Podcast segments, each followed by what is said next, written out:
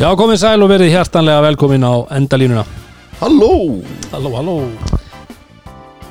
Góðan dag Góðan daginn og gleðilega hátíð. Hvað segið þið, Pildar? Það er bara gaman að vera með ykkur. Gott.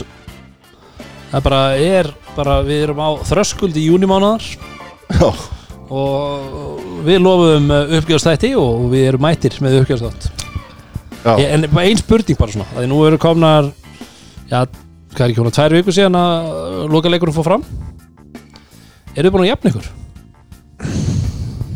Tæplega sko. Tæplega. Ég er eða með hellur. Nei þetta Þú veist Þetta var bara gegja Og Frá A til Ö. Hvað hva, þetta. Hvað þessar íþróttir bara hérna Gera mikið fyrir eh, Bara samfélagin okkar sko. Þú veist það er hérna Og, og við sjáum eh, veist, það, það er Ég giska á að það sé bara ennþá Ykkur hátíð í, skagaferði Og Mhm. allir að tala um korfbalta Og maður sér þetta líka hérna í, í njárvíkonum bara hvernig svona meðbyr í, í körubóltanum í vetur. Og, og svo var umhverfað mikið að gera í úsliti kemni kalla hvenna liðin bæði á fullu og mikið sungju og gaman. Það var góð með það Nei, og svo, svo bara, þú veist, var bara tróðið Akkurat. á, á hérna rafhólsvellinum í gær. Bara, Hverjum hefði dottið í hugan hefði komið þessu leikað? Nei, hann er ekki að tala um hann, hann er að tala um Njörg reynir sangeri Já, er í sangeri Já, ok, fyrst, já, ok. Það var bara, og það var bara tróðið Já, já. bara á hverju leik í annar dild sko. en Þetta er frábært, þetta er bara nákvæmlega íþrótunar og svona, og svona stemning og, og hérna þegar allir koma saman og svona, þetta er Já. bara þetta er, þetta er ógslag Já, gaman og við tölum nú um það hérna, fyrir leikin bara leik 5 hérna að Dóri var næstíð bara komin á það að við ættum að hérna, fara að keppa við hópoltan og vera bara sumadild sko, það því að uh, veistlan sem var hérna í fjósinu og fyrir utan sko, þetta var bara þetta var bara geggja að taka þátt í þessu. En það var það raunin að það bara kláraðist alltaf ná hlýðar enda bara og þó víða væri leita hann að þetta miðvitaðskvöld það var bara ekki til deg og dropi skildismanni og svo bara handbóltaleikur daginn eftir og þetta fyll á og ég sá okkur að fréttir hann þetta var bara skemmtilegt. Já, En uh, við erum mættir í væðtókstofun enga síður. Já, og er það ekki réttum mér að fyrstu gestirnir komu hérna í gær, er það ekki, inn í væðtókstofuna keftu sinn, Jó, það er reyndi að búið að vera svona ég er búin að vera með nokkra hérna til, sko, tilrauna svona já. Já, það er Gaman með það. Þannig að fólk getur farið að senda á okkur bara vill koma í væðtókstofuna, ekki? Jú. Bara skoða búninga og sjá Já. aðstæður ég, ég er búin að vera Setjast í sætin. Já, ég, Takk í Mike Diuno það sé góð. Ég var nefnilega með hérna, leikmanninu minna í meðslóki kvenna í, í svona e, einstaklingsviðtölum. Mhm. og þá, þá get ég bóð þeim hvort viltu vera Gunni Stef eða Dóri Dór. Já, akkurat, akkurat. Gunnin hefur verið vinsætt maður. Já, það er alltaf þægilegt, þetta er beint á móti. Já, Beint á móti, sko. Það er það betra. En uh, hvað er þetta að vinna með í dag? Hvernig, hvað er þetta að vinna með svona þegar sömarið er svona nálgast svona margir vilja meina að píka núna búið að vera Sko. gott viður Hvað er svona sumar? Já, ég sé það, það er blár. Já, Það er svoleiðis. Já, ég er aðeins að hérna, en það er, það er ekkit er ekkert, ekkert fast í þessu. Nei, og það er ekki einhver, hérna, einhver svaka pæling nema það. Ég átti bara svolítið marga bláar. Já, já, og er aðeins að vinna á þeim. Já, já. Það þarf að vinna á þeim líka. Já. En það standa alltaf fyrir sínu. Það Það, er leikilatrið En uh, uh, Gypsy Tours, eru þeir eitthvað farnir að, að hérna, er konar mikla pælingar? Er, uh, Já, já, já, nú, nú er maður alltaf með Kára og já, ég er að segja það, þú veist, Og ég var nefnt alltaf að spyrja og- það hvað, uh, hann er að það er, aðeins, við- það er strax byrjað að plana þess ok, Já, það er að koma hérna uh, ein ung dama frá Kanada já, sem heitir Klóle Kass Klóli Kass uh, fótballtakona Já, og, og ég, Þú fær náttúrulega beint með hana í hraunið. Ja, sko, hún, bað, hún fekk bara Gypsy Tours uh, til þess að plana fyrir sig. Já, já, Er hún bæklingin? Já, veistu, hún bað bara um the luxury treatment en, en það sagði þess að segja það, fyrsta stopp í Luxury Treatment er náttúrulega að fara með hana í, í hraunið í Sintamani sjálfsög og þar þarf hún að dressa sig upp Akkurat og, og, og þaðan getum við byrjað Já, þú byrjar ekki fyrr ævintýrið Nei. Maður byrjar ekki svona ferðir fyrir að maður er búin að galla sig upp í Já. Sintamani Já. ég held að hún taki Kára Já, ég held að líka Já. Kára leg hún er svolítið Káraleg Já. Já. Það verður- það áhugavert. En Dóri, ert þú búin að vera í vesti? Nei, Nei, en það stýttist í það? Já, sýtti sér að ég bara hef ekki átt, átt heimagengt er Þú, stefnir að fara á morgun, Já, ekki? já, það var, jú, var er það að ekki planið í plönum? Jú, ég er að fara, fara hérna í Reykjavíkurferð Reykjavíkurferð. Þú er að fara í kaupstæðin já, Já, kaupa mjölk og kíkja, og kíkja á samstagsaðalina hveiti og eitthvað. Aðeins að kíkja á, á samstagsaðalina Já, og það er fara og taka í- smá ring. Það er bara þannig Fundum eh, framhaldið. Já, að því að eh, það verður nú gott að fá eitt hljóðdæmi. Já, Og þetta og nei, Það kemur ekki. Það kemur ekki. Nei, þetta var gott, þetta var gott, þetta var lítið gott hlutdæmi og það er einmitt hérna og svo við förum aftur inn á Viking Lightin nýja, nýju umbúðunar og nýja bragðið, þetta er bara þetta, þetta er eins og maður segir quality Já, og nú eru þeir bara að dressa katalógin allan í nýja búning. Mhm. Ha, og þetta eru töluvert betur hefnaði búningar heldur en íslenska kallalanslínu Í sem við vorum að kynna. Það verður- hérna, hér er maður. Það verður nú að segja þessu að að þetta, þetta var betur hefnað. Betur hefnað okkar mönnum í Viking Hilmari Já, og, og bara- Félum Hilmar í næsta búning. Já, það er líka skemmtilega samt við það öðruvís heldur en íslenska, uh, íslenska landslið að, að við tölum allavega um kalla kallamegin að uh, nýjir búningar sama liði skilur Já. en hjá Viking er að sko nýjir búningar og nýtt bragð Já, þeir Það eru, er þeir eru að bæta sem illa ára sko. nákvæmlega, það er ekki bara lukkið það er líka geð Það er uppskriftin sko. þeir eru nefnilega alveg ótrúlega segir með þetta Já, og ef við tölum nú um bara uh, Viking Light rúnar þá? Spyr ég þig. Are you mad cause I'm asking you 21 questions? Are you my soulmate? Cause if so, girl, you're Are you- blessed. are you mad? Cause at I'm you, taka það fram, það er ekki asking you, I'm asking you. Action you, það er svolítið 21 questions Það er það Viking eh, Light spurning eh, uppgjörsins og uh, við ætlum að við ætlum að það, og viðhafnar útgáfu. Þá er eh, viðhafnar útgáfu af Viking Light spurningunni Ælilega uh, Fyrsta spurning í, í þessum þetti Það eru nokkur Það eru nokkrar? Já. Ok. Það er að koma með það svona víð og dreifið eða ætlum við að taka Nei, bara bara taka bara hérna Þetta er bara létt spurningi keppni í byrjun, í byrjun. Bingo. Uh, Hún er einföld. Uh, Loka úrslit NBA-deildarinnar uh, hefjast núna á næstu tjóðum En það er uh, á miðvikudags kvöld Já. að fara á tveimdags Skilt mér. og, og þar eru hérna Golden State Warriors að edja kappi við Bo Boston Celtics. Boston Boston. Boston. Og svona stærstu stjórnuna Steph Curry og Jason Tatum. Mm þeir spiluðu báðir uh, í háskóla í Norður Karolínu fylki. Fyrir hvaða skóla? Davidson Steph Curry. Og hann var í Var hann ekki bara í Duke? Ding ding ding sjáðu Gunni hann er Það leynir á sér stundum. Já, þetta, þetta var skemmtilegt. Uh,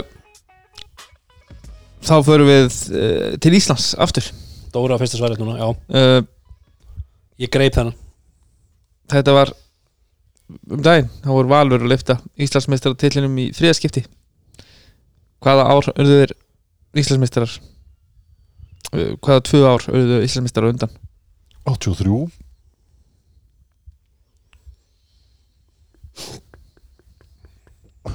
81 nei, uh, Mark Gunnar. 78-83 83 rétt. En það var 1980 Þú snæðir ah, 80-83 en já, Dóri fekk eitt þarna. Já. Uh, þeir voru með uh, bara, þeir voru með spilandi þjálfara. 83 í bæði skiptin, Sami? Sami.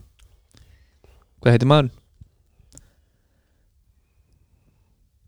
Erlendur. Jú, Hvað hétt? Ég með eitt nafn í haustin sem ég held samt að sé var að þjóla að kepla ekki Brad Miley, ég veit að þetta er ekki hann ég bara, það er eitthvað er það ekki, uh, hvað hétt þessi gæm? ekki með það? Nei, í sögu vals? Nei, hann heitir Tim Dwyer. Tim Dwyer. Tim Dwyer um, spilaði með þeim eh, frá 1978 til 80 uh, spilandi þjálfari og svo aftur 82 Ég til með þess að tók 83. þetta í hérna, Jón, já, ja? uh, en hann þjálfaði líka. Landslið. Uh, og þetta sé ég bara í prófanum hann þjálfaði landslið fjóra leiki. Hvaða landslið þjálfaði Tim Dwyer fjóra leiki?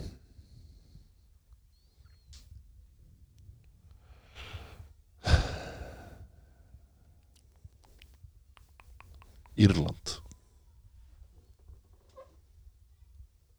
Ástralíu Íslands þjálfa minnir Nei þetta er svona létt sögur hann hérna Þetta er skemmtilegt Uh, Dwyer was hired as the head coach of the Icelandic men's national basketball team ahead of its games against Scotland and Denmark.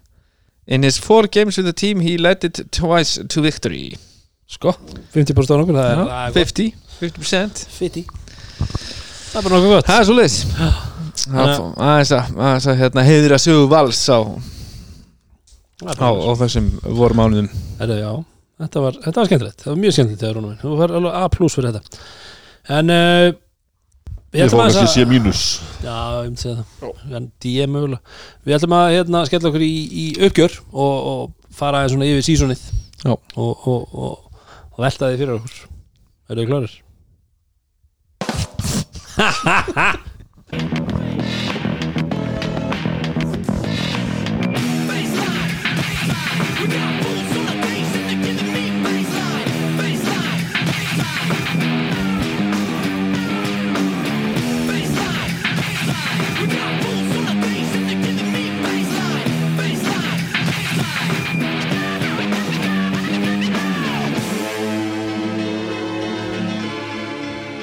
Já, af því að uh, úrslitakefnin er búin þá förum við aftur í, í, í klassíkirinn í, á baseline.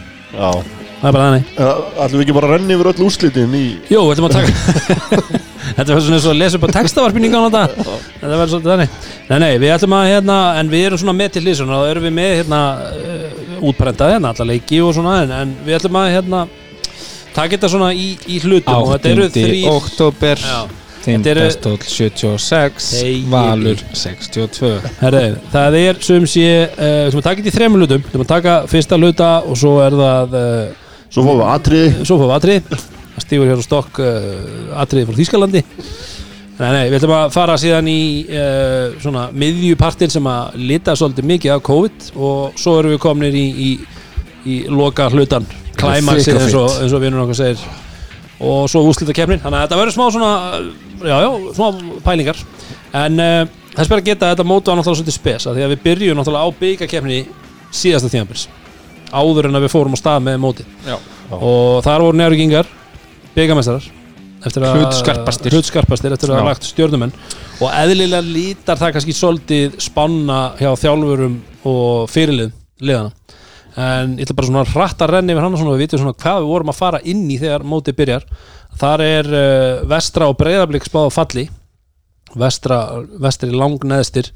Þór Akur er í tíunda og Í er í níunda utan úrslutakefni svo Þór Þorláksöfni í áttundasæti þarna var náttúrulega Þorláksöfnaliði ríkjandi íslamistarar en uh, voru náttúrulega svo sem ekki búin að ráða alla, eða hvernig var það? Munið hvernig þetta var hann Jú, þau voru, Voru ég held að með voru búin að ráða alla sko en, en, Nema bara- tapa náttúrulega Kyle móti Johnson. ír já, alveg rétt. tapa móti ír í, í, í hérna, byggarnum já, þar sem að hérna Sedanta Vicious Sedana, Thomas Sedana Vicious eða hvað hann Já, hétt þarna alveg. sem að var ömulugur og, og var og Smith reykinn. þannig, hvað heit hinn Shakir. Shakir Smith, já, en Thomas Sedana Vicious var með veist, 33 og 18 eða og gerði svo ekkert Nei, og átti svo ekki marga aðra góða leiki en hérna það, það, það var kannski enginn sem að var búinn að sjá þá. Meni, uh, til þess að geta síðan bent á- svona fyrir hann í meistara meistarna þar sem þeir áttu náttúrulega frábæra leik.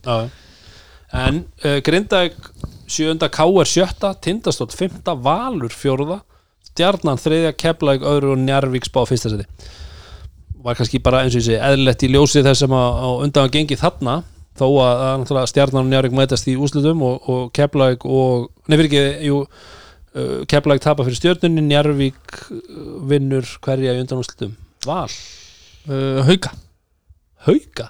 Unnu val í áttalega minni mig og Hauka unnu þeir í semi. Var það svo leiðis Mér minni, mér minni það Að þú tala um hérna þess að byggakimni hafi litað þetta þá held ég að hérna með tilkomu liðstyrkingar Njarvíkur þá hefðu þeir verið, verið, verið spáð efstasæti hvort þið er. Hvort þið er. Það er reyndar alveg, alveg, alveg góð, góð pæling þar. En þetta byrja skemmtilega og ef við erum minna með eins og, eins og Rúna þú byrjaði að tala um þá vinnur þá er nú merkilegt að í fyrstu umfyrir mætast Tindastóll og Valur sem að síðan mætast náttúrulega í lokaúslutum Já. og Tindastóll bara með þægilegan uh, 14 stegar sigur á heimaðallega vísu og skemmtilegt að sjá það og, og eins uh, kefla ekki sem menn náttúrulega voru já við vorum spennti fyrir allavega ég og Dóri fyrir tíðanbilið eftir að hafa hérna, tapað í lokaúslutum árun undan að, að hvernig þeir kemur inn í mótið bara vitandi hversu mikið áfall þetta var að uh, þeir byrja náttúrulega að fara á vestur á, á Ísafjörð og, og fara þar í tví framlindan leik sem er að endingu vinna með hvað Tveimur stigum. Þetta er bara áhugaverð fyrsta umferð. Það er náttúrulega þarna reysa skorleikur Káur og Breiðablík þannig að þetta var flugöldasýning þar í byrjun. Framlengdur með þess stjarnan kemur tilbaka og vinnur í er í að rosalegum leik. Það var góð fyrirheit, bara klárlega. Og- og, Njarvík náttúrulega Njarvík, eh, gjössanlega pakkar uh, Þór Þólasum og og, veist, það er náttúrulega bara mjög áhugavert fyrir Já. margasækir og maður kannski var þarna Ég, Hanna lögðu ég og Dóri líka leikin vel upp á bekknum og, og þetta hefnaðist mjög vel.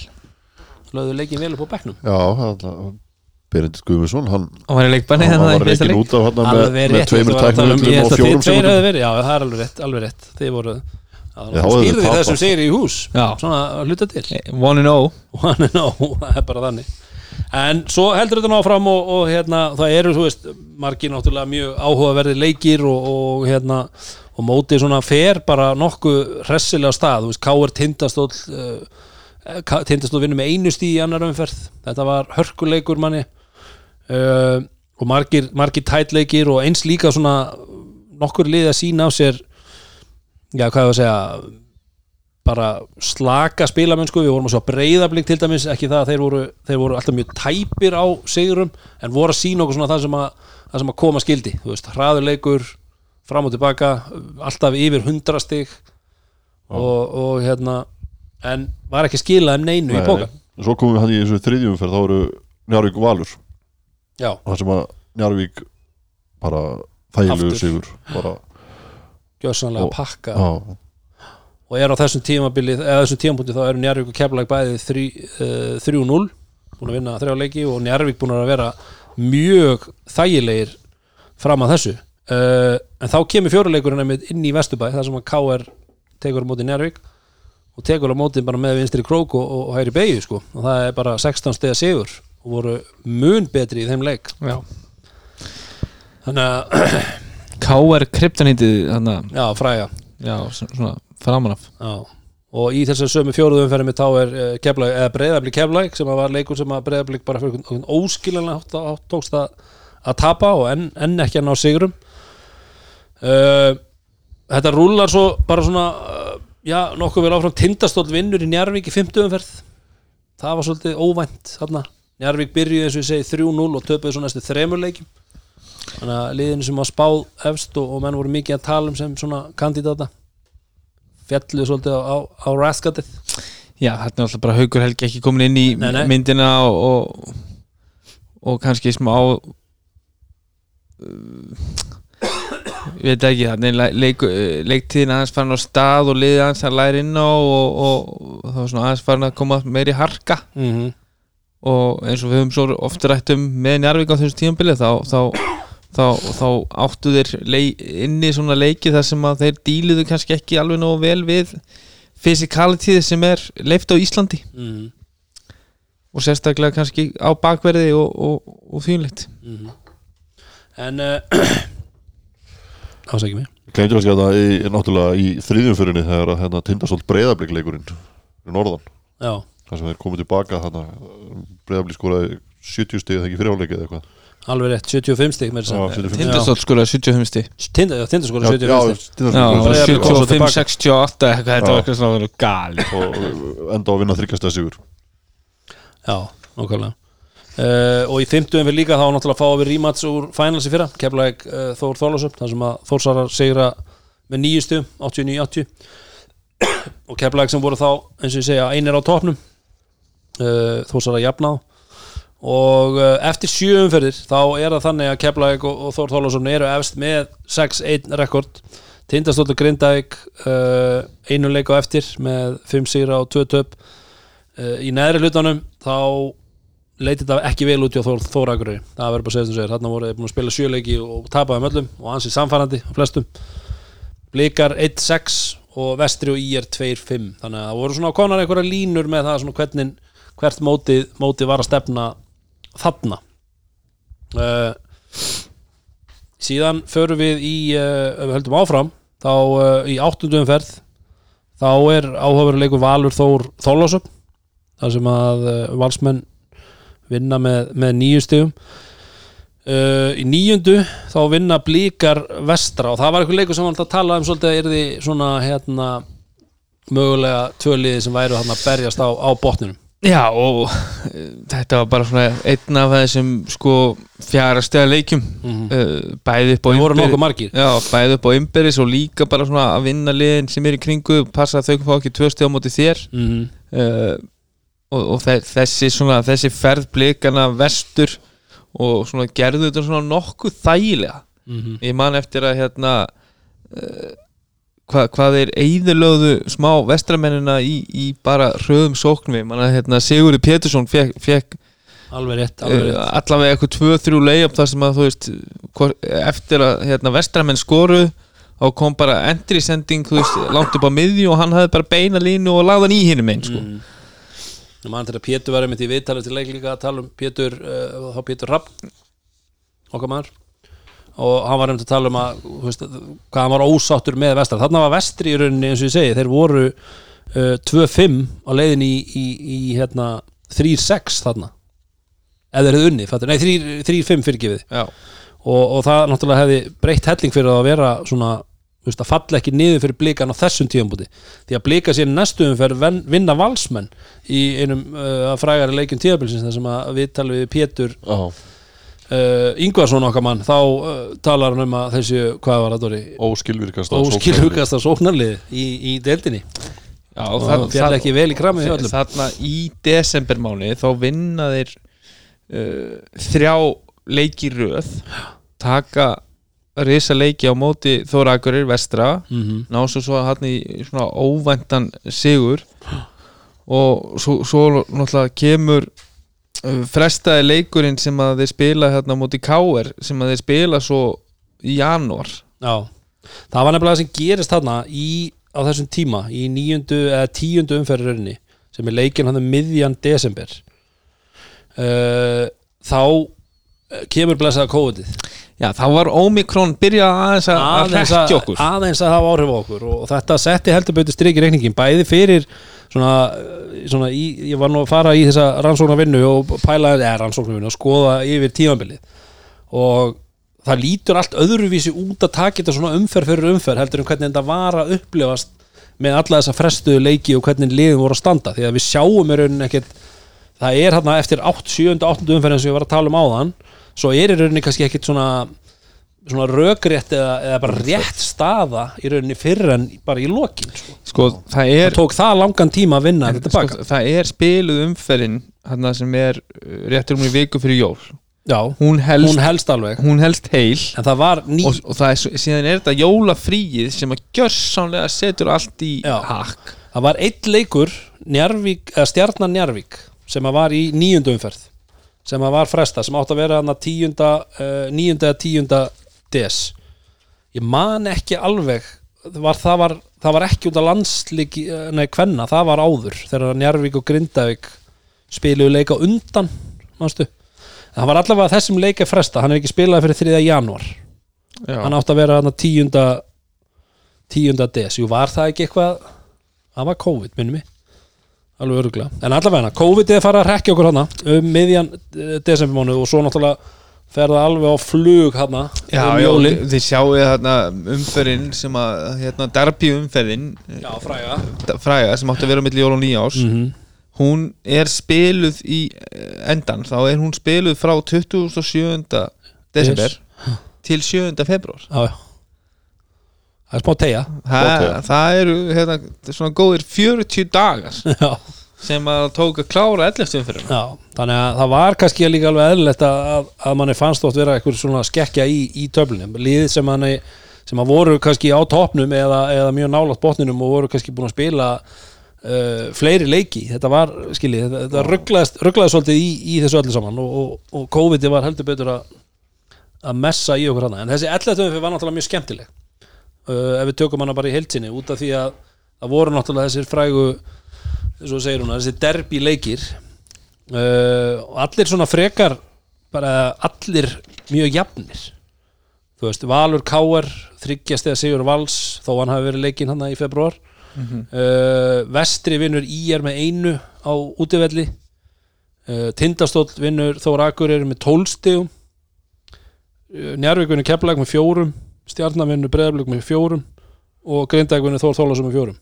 Allt svona veist, tætleikir þannig að þetta, var, þetta voru ágætið svona fyrirheit og, og kannski skemmtilega sett upp en við tjáðum að, að, að, að hafa þetta svona.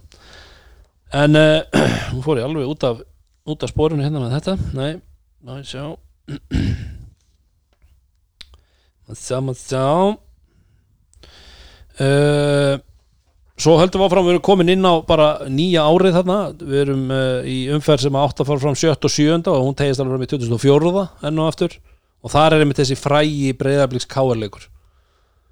135-87 þetta er bara þetta er ekki staðist í sigur bara ekki alveg í sögunni en allavega í breyðablík og káar, það er alveg hrein Já, mögulega einn af stærri sigur breyðabliks í efstu deild og örgulega eitt af Stærstu töpum. á KR 40 og, og hvað, 47 sti- 48 stið að tap hana? Mm -hmm. Uh, og munurinn var í 50 pluss og tíðanbili sko, þetta var náttúrulega þetta var ægilega vonduleikur og, og hérna svona uh, hérna í lók janúar í, í mið, mið, miðjum svona leiðilegasta tímabili ársins hérna á Íslandi þegar það er bara gul og rauð veð, veðu viðverun hérna. En pælið bara ef hún spóla tilbaka einmitt, á þessum tíma það er það eru gular og rauða viðvarinir það er og þessi, þessi tími, það er svartnætti og allt þetta. Og svo erum við með allt þetta helvitis COVID onni að við höfum bara farið í gegnum þetta. Já, þú veist, ef það var ekki frest át af COVID þá var út af veðri. og þú veist, það er alveg, alveg líðið bara ekki að við látum, látum bjóða okkur.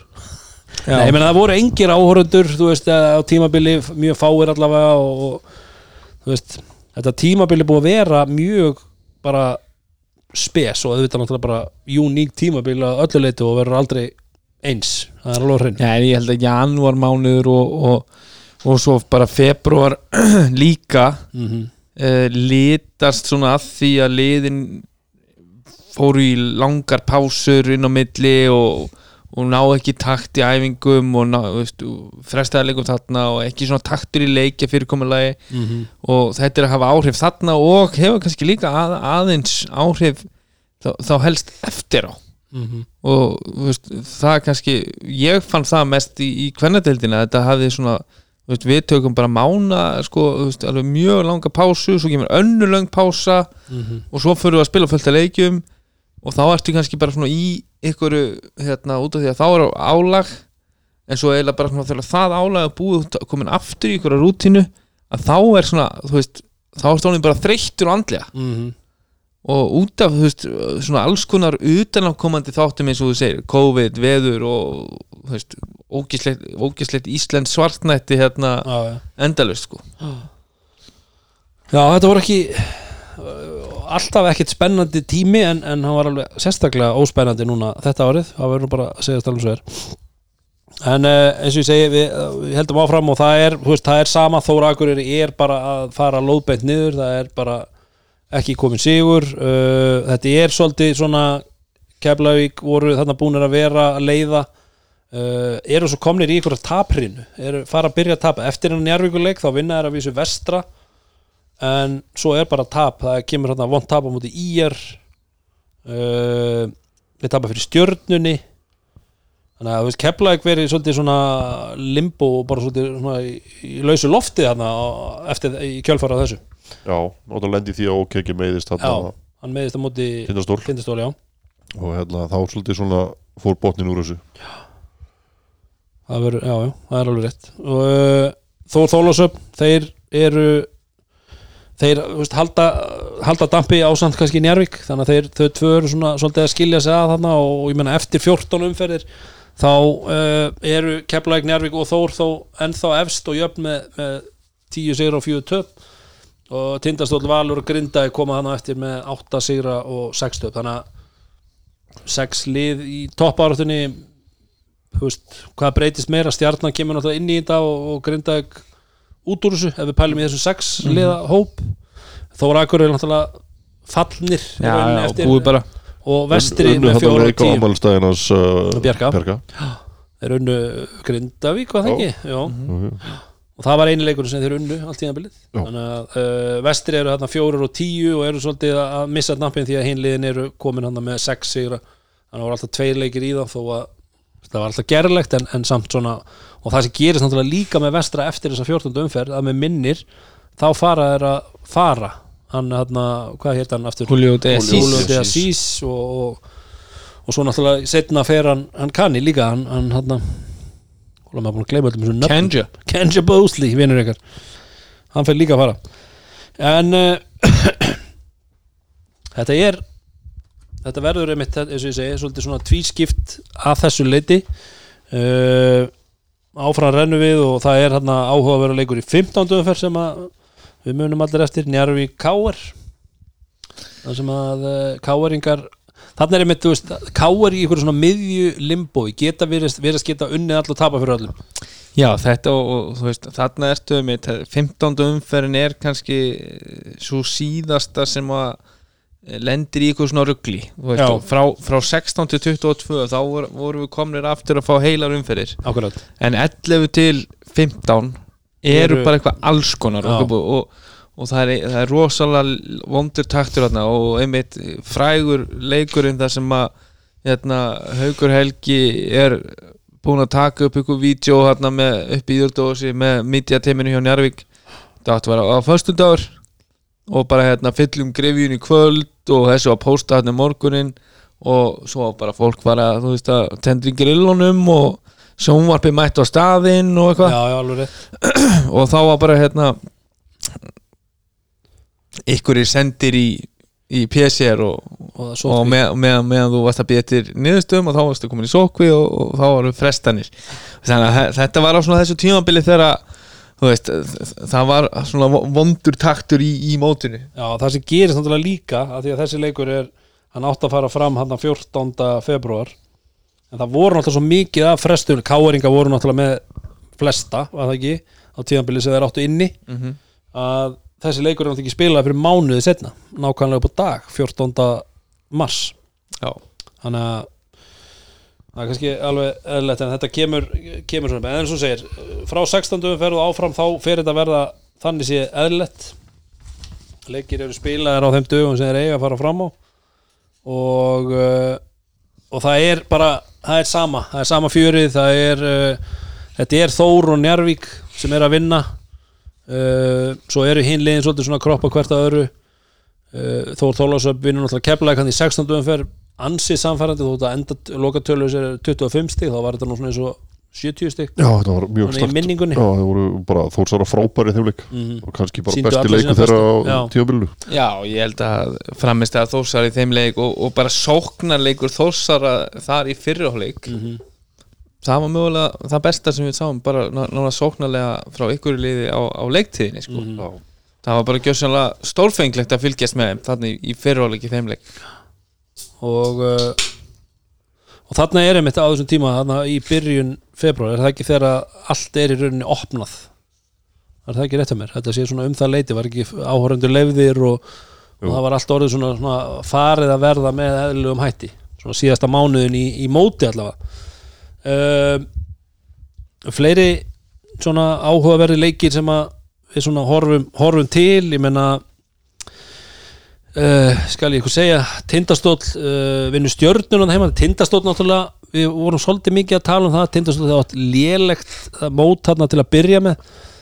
En samt ef maður pælir í jú kannski en þeir eru samt í þessu fjögur til sex. Að þá kemur þetta hann að miðju Já, mitt mótið við þar sem þeir hérna, eru svona í vandræðum. Og þú veist eins og tala oft um hérna Njarvíkuleik sem svona viðsnúning þar sem þeir átt að vinna Já, og, og hann er 10. februar Já, Mhm. og, og við getum sagt að frá og með 10 eða, veist, frá og með þetta byrjun februar þá voru þeir búin að láta maður samba fara. Mhm. og, og hann eftir álmót og koma líklunum á réttan stað. Já, og, og kannski búinir að græða að, að ykkur leiti á ykkur með þessum frestunum. Þú veist, og fá bara að æfa og djöblast svolítið isolataður hérna norður í landi. Og svona eftir, já, eftir bara hérna miðjan februar þá fara þeir bara á svaka flug sem að var bara ennþá á flugi núna þá til í mæmáni sko. Mhm. Já, já. En það var eins og ég að segja þú veist, það er þessi njárvíkuleikur og svo eftir það þá eru þeir bara það er þeir vinna alla leiki sem eftir er í deildinni og koma náttúrulega eins og við töluðum um þegar að komið úslitakefni heldur betur fljúandi inn í hana En þú veist, ef við bara horfum á, veist bara tindastól bara yfir tímabilið Mhm.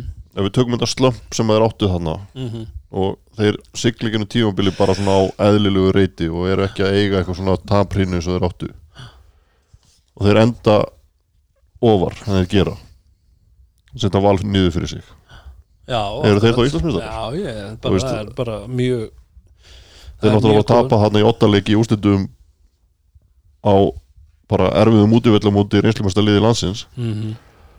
Þannig að það er Ég meina þeir tapa fyrir breyðablík á heimavelli. Þeir tapa, nei fyrir ekki útivelli. Þeir tapa fyrir grindaug útivelli. Já, alltaf mjög svipuðum tíma. Uh, þeir tapa fyrir val. Svo erum við með uh, tapa fyrir, sko skítapa fyrir Þór Tollásson við skautum hún aðeins yfir hann áðan þarna í, í tíundum Já.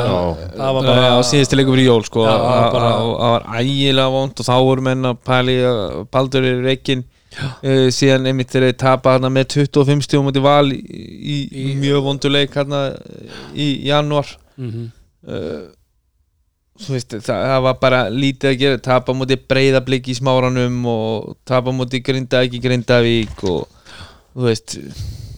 Ég held að sko bara að þú veist það kannski menn hafa verið að tala um hennan deildamestara titil sem svona hálfgerðan auka hlut einhvern veginn þannig sko akkurat. og þetta en þú veist þegar að deildin er svona sterk og svona jöfni eins og hún er búin að vera núna síðustu 2-3 ár -hmm. að þá bara skiptir þetta svo ógeðslega miklu máli Já að vera á góðum staði í deildinni mm þess að við sáum Káur vinna hérna titil úr, úr neðri hlutanum hérna fyrir ekkert, ekkert svo mörgum árum síðan þetta er ekkert, við erum ekki að sjá þetta í dag Nei, nei. liðin eru bara það sterk að þú veist, eru heimavöldurinn skiptir rosalega málið út komin á hann stað Mhm. Svo er líka mjög áhverð að, að, að renna yfir með valslið sem er náttúrulega Íslandsmeistari og, og hvernig þeir eru að fara síðustu umferðnar í, í, í gegnum þær. Ég meina þeir eru að tapa heimaðli fyrir stjörnunni. Þeir eru að vinna reyndar í er mjög stert á útivelli bara með þremur stöðum það var leikur sem að í er átt í raun að vinna. Já, það var alveg svona frekar það að ír hafi sem sagt, tapað honum heldur en hitt sko. uh, svo eru þeir að tapa fyrir Þór Þólasum samfarandi í Þólasum í sko 19. umferð. Þannig að þetta er þannig að þeir sem eru að berjast um sæti. Svo taka þeir endar náttúrulega Þóra Akureyri uh, breyðablík og enda svo að vinna vinna káar í einhverjum mest low scoring leik allra tíma 54-72 takk fyrir í, í lokalegnum þannig að það er mjög áhört að, pæli því en þetta er bara gamla góða káir toppar einnum tíma. Topan tíma en allavega fyrir síðustu uh, síðustu tvær umferðin eftir 20 umferðir þá er Þór Þorlásöfn á, á topnum Njarvík í öðru seti muna einu leik á þeim. Tindastóll og Valur koma svo í þriða og fjóra seti uh, nei fyrir ekki Keflæk skautaði við þá þriða seti 13 og 7 Tindastóll og Valur 4 og 5 Grindavík og Stjarnan 6 og 7 K.R. og Breiðarblik uh, 8 og 9 svo IR í rauninni búin að missa af úrslutakefni sens og vestri og, og Þóru Akurinn náttúrulega fallin svo koma þessar síðustu tvær umferðir sem breyta þessu náttúrulega aðeins. Keflavík fellur náttúrulega hann niður fyrir bæði Tindastól og Val. Njarvík stekkur yfir Þólásöfn og verða deildamestarar þannig að við erum að fara inn í úrslutakefnina uh, já hvað er að segja? Ég meina búin að vera sko fórustur sögðir búin að breytast tíu sinnum á 22 umferð eða álíka. Það er búið að skipta um fórustu sögðu ansi ofti við tíðanbili svo bara, þú veist, hvað þetta er jafnt hérna, þú veist, það eru tv- tvö efstu liðin eru jöfn, mm -hmm. næstu þrjú og eftir eru öll jöfn þetta er, já, já. þetta er alvöru.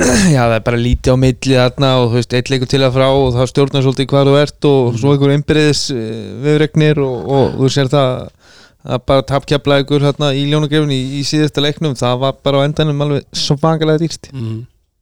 Já, alveg eins og getur sagt að, að tap tindasólsmanna þú veist, á móti grindæk eða á Breiðablik. móti breðablik eða eitthvað, þú veist, sé á endanum afskaplega dýrt út af því að ég er alveg sammálaðið sem Dóri segir en, en ég er líka kannski á því að, að eiginleikar til dæmis tindastóls liðsins og, og þeirra og bara, þú veist, ferðalagsins og, og síkið og, og hérna grettismenn og allt, allt, allt sem er á bak við það það býr til að það myndast meiri svona heimaleiki útileikja uh, svona munur mm -hmm. út af því að þeir eru rosalegt þannig lið. Þa, það, þú veist, það er akkurat það sem ég er að segja þú, þú veist, þetta skiptir svo miklu máli fyrir þessi lið. Fyrir þá, þá.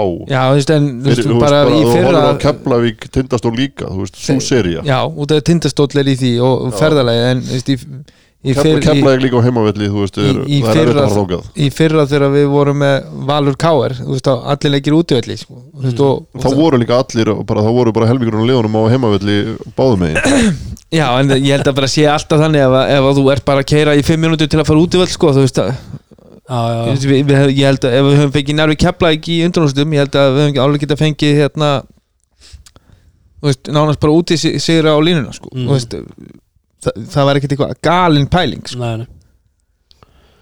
Já, þetta er En það er, veist ég segi, þetta mót bara svona í heildina að því að við erum svona búin að stikla kannski svona á stóru og, og allt það að þetta var, þetta litast náttúrulega rosalega mikið af, af þessu blessaða COVID-i, svo ég segi það einu svona en, en það, það gaf líka svo mikla skekkju einhvern veginn, það er það sem er kannski svolítið skemmtilegt við það, svona in hindsight að maður var einhvern veginn búin að sjá ákveðin lið vera á einhverju rönni og svo var kannski eitthvað annar lið eins og KR til dæmi sem að kemur svolítið svona aftan á okkur þó að þeir hafa nú svo sem ekkert farið hátt en, en þeir allavega, þú veist, þeir gáfu skekkjun í þetta.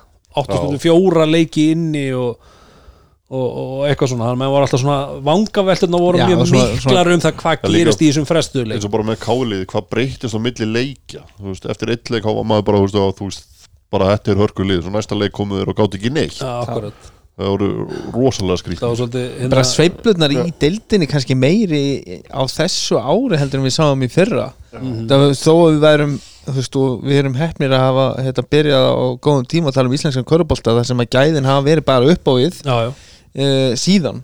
Og, og deildin rosalega jöfn og skemmtileg og mikið af góðum liðum og svona erfitt að spá í spilin oft. Mhm.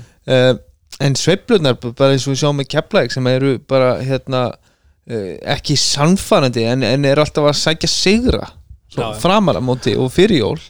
En eftir jól bara skipsbrott mhm. uh, tindastólsmenn bara þú veist að láta pakka sér saman með 30 heitlum horfnir. Já, heillum hórnum með 30-40 stjá töp hérna uh, í kringum jó, í desember og januar Mhm. svo bara allt í hennu meðan februar þá bara einhvern veginn uh, þú veist, smetlaði fingri og eru bara ódnir eitt besta lög Íslandi sko.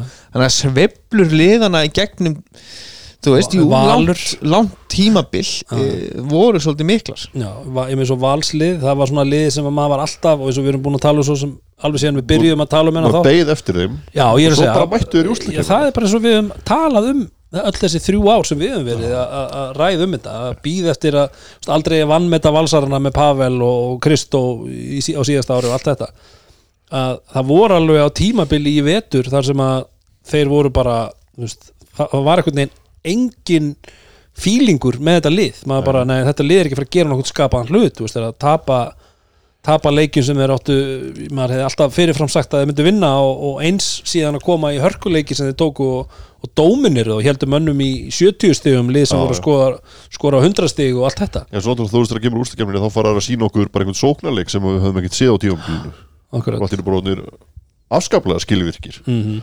en það er náttúrulega, þú veist, svo er þetta þú veist, við nefndum hérna áðan þegar Massamba er, er sendur heim og líklandir setti kannski réttan stað þarna á, á söðakróki að þeir náttúrulega sæ, sæ, sækja Dalton, bróðurinn. Svo, já, Já, og hann kemur inn og er náttúrulega bara fáránlega stór fyrir þá. Mhm. bara því líka framlæði frá honum. Mhm. Keflavík lendir í þessum ókekju og bara liðið ringsnýst bara Kyle Johnson kemur inn í Þorlásöfn og við einhvern veginn reyðla öllu. Já, já. þannig að já, þetta er bara, þú veist, við höfum oft talað um það það er, það er, hérna, það er tvö mismunandi móti, þetta voru einhvern veginn svona þrjú. Já, akkurat, akkurat. Og líka eins og þú talar um þess að einstöku leikmenn að við höfum á- nákvæmlega með Dalton, minna, hann, hann gerir valsmönnuna annars konar ógn í raunni, þú veist, sóknarlega og bara eins og hann skilaði náttúrulega í úslitikefni fáránlega góður, sko. Þeir náttúrulega fóru í sama pakkan og þeir gerði í fyrra þar sem þeir reynda að sækja Jordan hann til að Já, já. landa þessu en það einhvern veginn svona varð ekki raunin. Þetta fengu við bara eitthvað púst sem var bara, Fittaði hundra bara þetta var bara það sem þeir þurftu þú veist, þeir þurfu ekkert einhvern kall sem er bara á boltanum í Já, er það ekki 38 líka svolítið máli? Er það ekki líka rosalega svona hvað var maður að segja, svona hættulegt múf að taka með mann sem er svona ball dominant þú veist, það er bara að tala um skilur, horfum fram á veginn þú veist, og menn sé að fara að hugsa um að ná sér í eitthvað næsta púsl í liði sem er kannski, við vitum alveg hefur hrettinga hæfileikum eins og valsliði var. Þetta gat alveg Já, en þú veist, þetta er kannski hægt að setja þú, þú veist, bara, þeir náttúrulega þú veist, tapa hann í ottalega á móti kári fyrra en að mörgu leitir hægt að setja svona svipað eins og við sáum með Robert Turner í úsleikemninu núna. Þú veist, að hann er svolítið sem bara spilaður út úr þessu þá, skilur þú veist, og það er kannski auðveldara bara að finna lausnir á móti liði sem er bara með svona, Já, já, já. einhvern sem á bara að gera allt Já, ég held að það sé alveg klárt að það er svona auðvöldur að að skíma og búa til eitthvað eitthva, eitthva, eitthva, hérna, konkrét plan mm á móti gæjar sem er verið með boltan í höndunum og þú veist hvað hann er að fara að gera með boltan í höndunum -hmm. uh, frekar en að þurfa að spila á móti þú veist bara mjög góðu liði sem að finnur einhvern veginn bara lausnirnar og, og, og bara hver verður opinn á kantinum eftir 15-20 sekundur, hann fær bara skoti og, og valslið er miklu meira þar í dag heldur en að vera eitthvað að treysta á.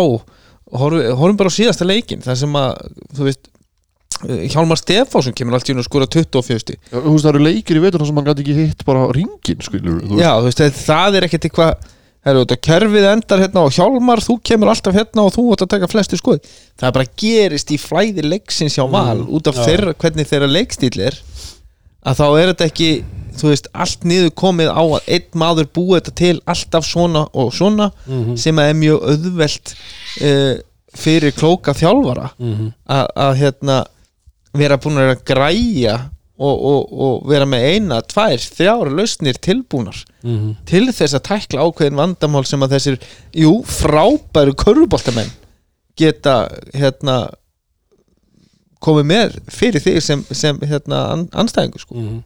En svona liðin í vetur við horfum bara á tímabili áður en við förum að, að fókusa kannski aðeins á úslitakefna uh, svona liðin sem gerðu mestu breytingarnar ír þú veist, voru þetta breytingar til betra með ír-lið eða þú veist, þeir Já, og ég er fæði bara plús fyrir það sem þeir gerðu hana, og eh, veist, með þetta lið sem vorum í upphafi og svona einhvern andal sem var yfir því þeir farið einhvern tímabili með það þá hefur þeir jafnvel bara verið þarna í fallinu sko. mm, Káar nú voru þeir náttúrulega voru kannski nöðbeigðir til þess á einhverjum tíðanbúndi eða, eða samt ekki?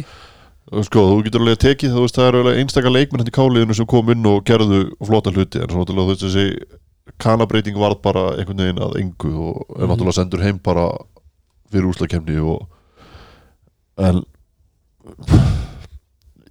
mér varst bara að þú veist í upphafi bara hvernig þetta var sett upp hjá þeim bara ekki vera rétt að múfið og bara ekki alveg heilsteift veginn. Nei, þú veist, þeir hefðu enda á nákvæmlega sama stað hefðu bara spilað ungustrákonum og, og gert þetta bara svona, svona upp, uppbygginga tímabil Mhm.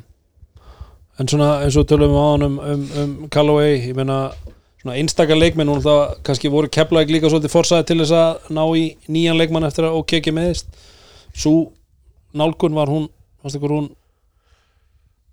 virkaði eða virkaði ekki það kannski bara Nei, þú hún virkaði ekki vegna þess að hérna, mér varst bara einhvern veginn þú, þú gjör breyti liðinu að spila saman korfbóltan Mhm. og með alltaf aðra eiginleiki liðinu og, og kemlagliði hefði bara að- þurft þurft að fara í það að hlaupa meira Mhm. með það lið sem voru með þar og mér fannst hérna þú þessi Kani fannst mér bara góður það hæfileikar ykkur og annað en kom kannski lítið úr honum vegna sem menn voru bara að þælast fyrir honum þegar þetta svona leikstíl liðsins hendaði ekki þessum hans, hans kröftum mhm. Já uh, þjálfarskipti það var nú, það var reyndar uh, Borse náttúrulega hætti var það ekki? Jú, það er alveg, já og, og, og Friðrik Ingi tekur við eftir smá, hvað var Ís, Ísak var með tvoleikið ekki, það var að, Tveir eða þrýr hérna já, smá svona millibils ástand þannig Já, en það var svo sko auðvitað bara smá klúðurslegt að að vera nýk og farin að staðin í eitthvað tímabil með lið sem að þú ert að setja saman einhvern veginn og, og hoppar og, og fer svo bara frá borði þarna, þú veist þetta er aldrei ótrúlega erfið staða fyrir í en ekki að vera í, hvort ég bara heyri líka bara þeir eru hund fúlir með hvernig þetta fór fram sko. Já, að hendi þjálfóran sko. Eh, en ég held að Friðrik Ingi hafi komið að inn og, og, eins og ég segi, hann gerði liðið betra uh, og þeir, þeir ef, ef, ef þetta hefði verið liðið sem að fóra á stað frá byrjun þá held ég að þeir hefðu jafnvel geta verið inn í úrslutikefni á, á kostna káringa ég held að þeir hefðu geta náði aðeins fleiri sigra bara með að við út að þú veist, mér fannst uh, bara leikmenninir sem voru með í lokin uh, þetta, þetta voru hérna, góði spilarar. Mm og, og aðeins meiri tími sem að Friðrik hefði haft og líka bara þú veist, það er öðruvís að koma inn svona miður tímabilið og þú kannski nærði ekki að gera alla hlutina sem þú ætlaðir að gera. Það er kannski maður heyrir eins og bara þú veist, uh, þegar Sverrir kemur inn í Grindavík þegar þeir gera þjálfóra skiptin að, hérna, þá eru þeir í þessum frestuðu leikjum og það er bara spilað bara -hmm. tvisar í viku þannig á þessu tíabili og þá gerur ekkert mikla breytingar. Það er ekki fyrir sko þrem fjóru viku setna sem hann getur fyrir að koma með sínar áherslur inn í raun. Já, þegar kemur smá, smá breyk hann En já, talandi um það, ég menna þú veist, svo breyting er kannski eitthvað eins og talar um kannski, hún er kannski ekki margtæk þannig, Sverri næri kannski ekki að koma alveg sínu inn eða hvað Nei, mér finnst það bara skrítin tímapunktur fyrir þetta og ég held að það hafi bara ekki breytt neinu þannig Nei, nei, nei. Alright, alright, alright. En við uh, fórum í úrslutakefni eins og alltaf uh, Ég ætla að reynda að taka áður hérna strákar aðeins hérna við uh, við þurfum alltaf gaman að pæla í tölfræði og ég meina stigaðastu leikmenn uh, deildakefnunar Verðið með nöfn á þeim, hver var stigaðastur? Robert Eugene Turner. Hann var næst stigaðastur. Average Lee Richardson. Evans Lee með 25,5 Robert Turner 23,3 og Albert Matthews var þriði en hvað stig, eða hvaða lið skoraði flest stig á meðaltæli leik Blix. Þór Þólasöfn næst uh, á eftir þeim og Njarvík svo. Uh, frákasta hæsti leikmaður deildarinnar. Hvernig myndið þið henda þessu á? Kristofur Eikóks Já, Kristoffer var næst, næst frákastæstur það var Nemanja Knisevits leikmaður uh, hvert, Vestra nei, hvert er hann komið núna? hann er ekki komin í er hann það vestra? Nei, hann er komin í það hett. í hett Hett. Er, og þriði var uh, Ivan Arrokochia hvaða lið frákastæði best?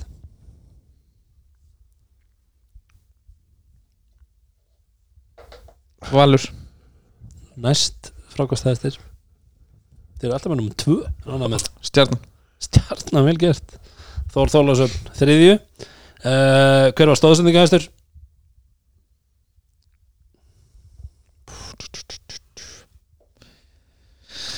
Stóðsendinga hestur í deildinni. Já, uh, 7,9 stóðsendingar öðru sæti um 7,7 og í þriða sæti 7,6 hann sitt tæft hann ja, 7,9 Hvað er allir að vera með 7,9 Allir það hefði verið írkan Nepp, hann var ekki á lista. Dúi Þú var þriði það var Hörður Axel Viljámsson Var hann? Já, ég held hann er 2 stóðsendingastur og Dedrick Dion Basíl var þar næstur. Þór Þólasöfn voru frá stóðsendinga hæsta liðið kemur kannski ekki orð Lítið. Og svo kemlagur Njarvík þar á eftir. Uh, en þá kemur tótal framlagshestur. Hver var framlagshesti leikmaður söpideldarinnar, þetta er tíðanbilið delda kemnar, Það var Mr. Average Mr. Average Lee Richardson. Richardson, með 29,2 uh, næstur. Kristofur Eikóks hann var þriði hann er bara svolítið áhugavert sem var í öðru seti hann spilaði ekki allt tíðanbilið Ok, ok. Spilaði setni hlutin Sempo Sample baby. 26,7 Það var góð viðbútt uh, Það var góð viðbútt Já, en uh, að lóku hvað var hvað liða framlags hæst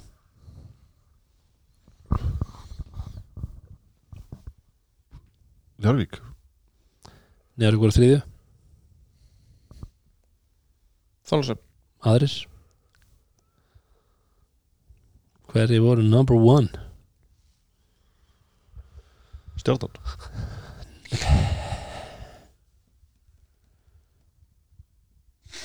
Tindastól Þeir eru báði búin að spila með þessu lið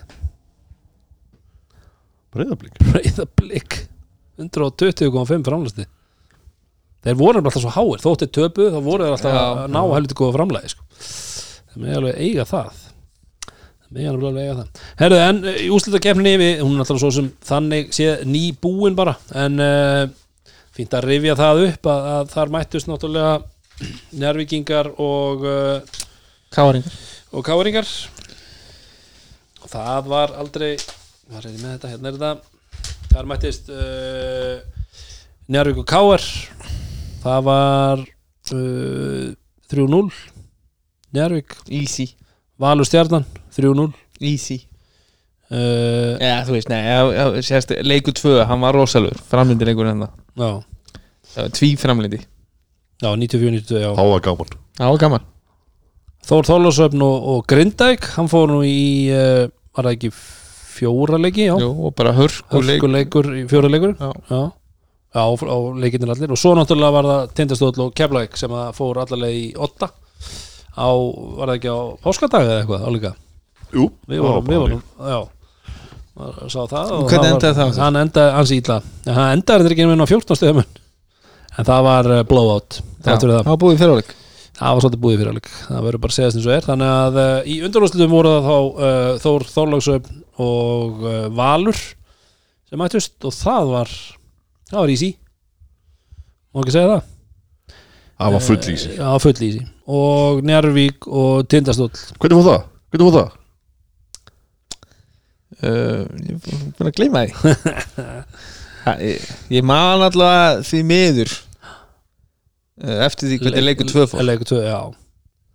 Það var eitt rosalegu leikur.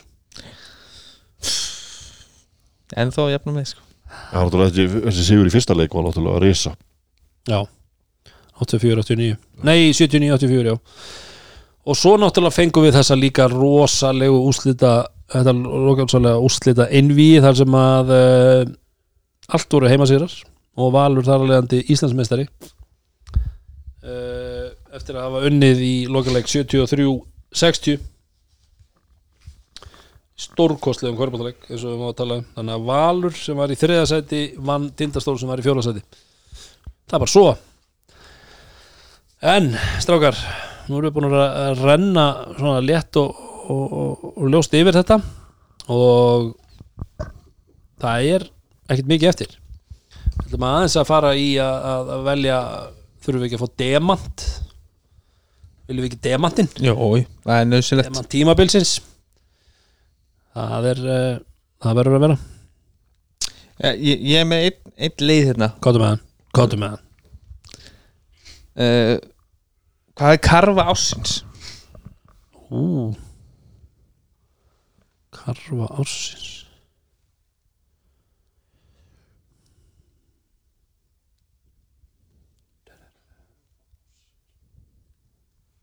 Ert þú með, þú veist, einhverja körfu ársins sem að þú mannst eftir?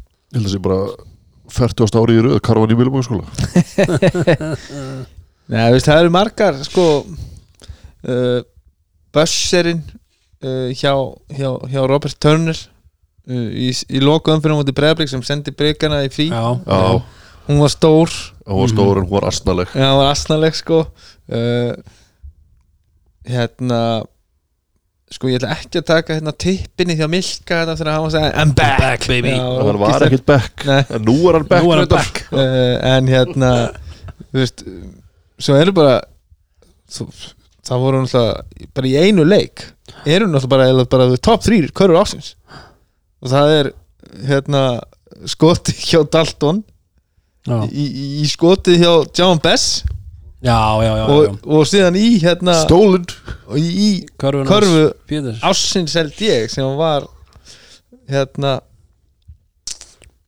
Pétur Rúnar Byggsson Já, það er þetta mjög gott gól. Þetta voru, það voru svakalegt svakaleg mínúta Þetta var alltaf mínúta ásins eða sekundur ásins Það er alveg rosalegt. Já, það var svona Það sem maður var að missa sig á þeim tímapunkti Herru, en Shine bright like a diamond. Shine bright like a diamond.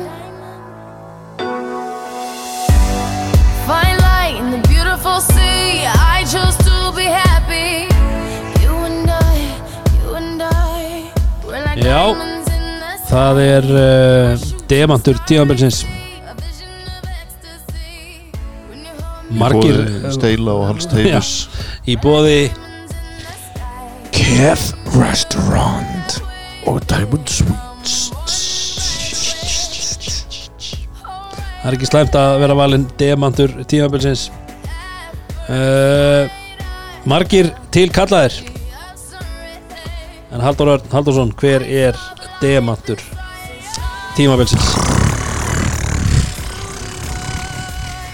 Verður ekki bara að fylgja hjörðinu og fara með Asjálfsson Já, það gjör sannlega frábæri vitur Það var svona heilt yfir. bara besti og tökum úslitakefnina með og allt saman. Já, Íslands Já, það mestari og... Kári var bestur í úslagjarfinni Nei, í finals, var ekki, var ekki, var ekki að vera bestur í finals? Ég veit ekki hvað ég var að velja. Það það er alveg sama hvað ég var að velja. Það er Hann hann var hvern- það- Hann var það ekki. Það er líka sama hvernig við spyrjum það veit engin hver valdi þetta. Mér finnst það svolítið gott. Það veit Ekki ég. Nei, nei, nei Ég held að það hefur bara, ég held að það hefur glimt að velja og svo bara eitthvað Sáu þeir Kára bara? Eh, Kári! En uh, demantur endalínunar Tímabilið 2021-2022 er Christopher Acox. Hvernig var lagið? Kristoffer Færiðum Nei, hvernig var það? Kristoffer Færiðum Kristoffer Færiðum Gekkjaður Hann var stórkostur Já, hann er bara Ef þú ætlar að vinna, þá er gott að vera með Kristoffer Acox í liðinu. Það eigur líkundar Já. Já, tölvert Já. Þetta er líka bara svona einhvern veginn að maximæsa sína hæfileika. Er Svo, svo, það. svo er hann líka bara eitthvað svo djöðlu sexy sko Gæinn Já, er það? Já, þú veist, hann er Já, hann lúkar fjallmyndalegur Fjallmyndalegu, stór og sterkur. Þetta er eiginlega svolítið Tattúin og skeggið og há, veist, þetta er bara Þetta er lukk upp á tíu. Þetta er frammiðstöða upp á tíu. Nei, þetta getur ekki Meina, Gæin er, bara gæin vinnur er í bródís Skilja Já, Þetta er bara Já, og í hagkaupsölusíkólum Já, já. Svo sá ég hann einhverju nýjum núna en sko, með hann er náttúrulega bara, þú veist, ég sá það hérna á samfélagsmiðlunum eftir að Valur verður Íslamistirar Mhm, að þá var hann alltaf að reposta öllu skilur sem var í gangi. Mhm. og gæin er á samning hjá öllum. Það, Já. voru, það voru svona, svona allavega 12 fyrirtæki. Okkar maður í köruboltanum Kristofur Eikóks og valsmenn verður Íslamistirar, við óskum til hamingju. Já, já. Það er Það er ekki á menn melabúðinni Nei, það, þér það. Já, það er svona þegar menn er að standa sig þá eru þeir ofta á mörgum samlingum það er bara þannig spurðu bara LeBron James í gegnum tíðina. Look at Doncic. Look at Doncic. Alla, alla, alla þína góðu menn. En uh, já, tíðanbylinu lokið. Við erum búin að renna svona létt yfir það. Við erum búin að taka þetta þáttur nummer 149 hvað ekki meira að minna. Þannig að næsti þáttur er Pæli í 150 149 Í næsta skipti. þetta verður kaka. Já, þetta með köku? Mögulega uh, ribbæ Rúnar, ribbæ Ribbæ og rauðvín Hver veit? Uh, Og góðu gestur, vonandi. Við erum að Við erum að, við erum að hérna, sigla í áttina að, hérna, að landa samningum Vonandi. Landa, landa stórlaxi. Já, vonandi. Vonandi. Ekki Marjolags en, en Stórlags Stórlags, það er bara þannig. En uh, Við erum allavega bara eins og ég segi, skemmtilegu tímabili lokið, skrítnu og skemmtilegu og margt sem við erum búin að pæla í því og, og, og gera í því og býða eftir leikjum og bara neymit, þetta er bara búið að vera öll flóran í þetta tímabil. Fórum frá því að vera á föstu dögum yfir á mánudaga Já, já, Það var einhver frestaði leikir Mánudum Dóra til mikill að gremi Ég er mikill, er mikill tvöstar, já, mikill tvöstar Við hefðum náttúrulega helst vilja gera þetta bara alltaf á þriðutu það, er, er eini dag þá hefðum við getað haft lægið okkar skilur þá hefði það alltaf verið spilað mér, mér fannst þetta samt mjög gott þegar við vorum á mánudögum og Gunni var alltaf að tala um að þetta væri mánudagar, mánudagar allar mánudagar Já, mándags, mándags, mándags Það voru alveg lægðirna sem voru að hafa þess ári Þetta var einmitt á þessu tíma það sem við Já, vorum að tala um. COVID og var leikir COVID og allt svart, svartnætti hérna í vætfókstofunni Jú, þetta var þetta erfitt maður. Pæli í hvað við látum bjóða okkur, ég segi það enn og eftir En pælið þess að því, þú veist, svo þegar við komum í fjósið þá bara This is why we do it Já. Það er bara þannig. Það er bara svolítið svolítið Það er, Og það er uh, bara alveg að reyna Endalínan er ekki farin okkur skapaða hlut. Það er bara á næsta, eins og við segjum Við náðum samlingum við náðum samningum. Já, Rú- Rúnar til ekki með nýja samningin takk. Við líka Já, bæði við endalínuna og, og eins bara uh, Má ekki publisaði hér?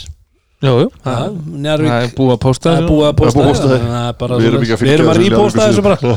Já, Rúnar er áframhaldandi þjálfari uh, Kvenleis Njarvíks Þetta ætlar hann aldrei að þjálfa annar starfinn í lónagrifunni Nei, nei, það er bara eins og það er. Eða þú veist, í Njárvi, ég sagði ekki Ljónagjöfri Ég sagði í Nei Njárvi, þið erum náttúrulega að fara að færa ykkur. Í stafaskóla Stafaskóla Já, en það það er hverju tíma bilframöndan í, í, í, í Ljónagjöfri Já.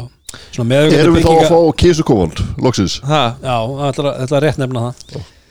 Nei. Nei, ok. Okay. En, en það, það verður bara húlum hæða allan næstu veitur Það er bara svo leys Það verður stuð í ljónagurinn Það verður gaman. Bara allir að mæta í ljónagurinn að næsta veitur Sjá það í síðasta skipti Kappleiki Nei, það verður nú Það er ekkert verið að fara að rífa húsið eða? Nei, Nei, ég veit, þetta er alltaf njárvíku skóli. Já, nei, nei. Og ég, ég geri bara ráð fyrir að yngri flokkar muni æfa þarna en þá sá, sérstaklega kannski svona eldri yngri flokkarnir uh, sem hafa verið dæmdir að æfa seint og um síðir á ókristilegum tímum Akkur skóla líka og alls þar að að það sé ekki þá þú veist, hérna ungmennaflokkur eða hvað þetta er, það var alltaf að vera tólti flokkur eða hvað þetta heitir allt saman núna. Að að, þessi að æfa þú veist, frá 9 til 10 á kvöldin eh, eins og gengur að gerist. Mhm. að, að þarna kannski ertu komið vettfang og þau fá bara meittlókstíma klukkan þú veist, hálf sjö og Mhm. allir eru glæðir Algjörlega, það verður allir glaðir. Það er bara þannig þegar tíðanbili byrjar aftur. En við ætlum að njóta sumarsins og eins og ég segi Við ætlum að vera hérna í 150. þættinum bráðlega. Já, það Eh, er ekki frá ekki- lott á milli. Nei, nei, það er ekki komið tímasetning á hann en, en vonandi bara fyrr en síðar. Þannig að hold your horses uh, aðdæðandur, við munum koma áttur bráðlega með, með geggjaðan þátt. Já og svo fer nú að koma með bara breytingar og slúður að, þá, Akkurat, þá þarf líka að slúðura við munum gera það. Slúðrið mun vera vera í, í hávegum haft hjá okkur í sumar. Það er alveg að hennum en uh, annars þá bara þökkum við okkar samstagsaðalum það kuður vera White Fox Viking Light, Letul. uh, Sintamanni KF Restaurant og Diamond Sweets. Og fyrir ykkur sem að vilji fara að uh, taka podcast, þá mælum við alltaf með podcast stöðinni sem er, Halldór, jú. Hún er jú bestastöðin það er Það er komið stöð. það er komið víst að vera rétt hjá þér Annars endur við þetta Ekki mannlega nótum rugglinni saman við besta sætið. Nei, nei, Besta nei, nei, nei, alls ekki. Annars endur við þetta mannlega nótum og segjum Love is game. Love this game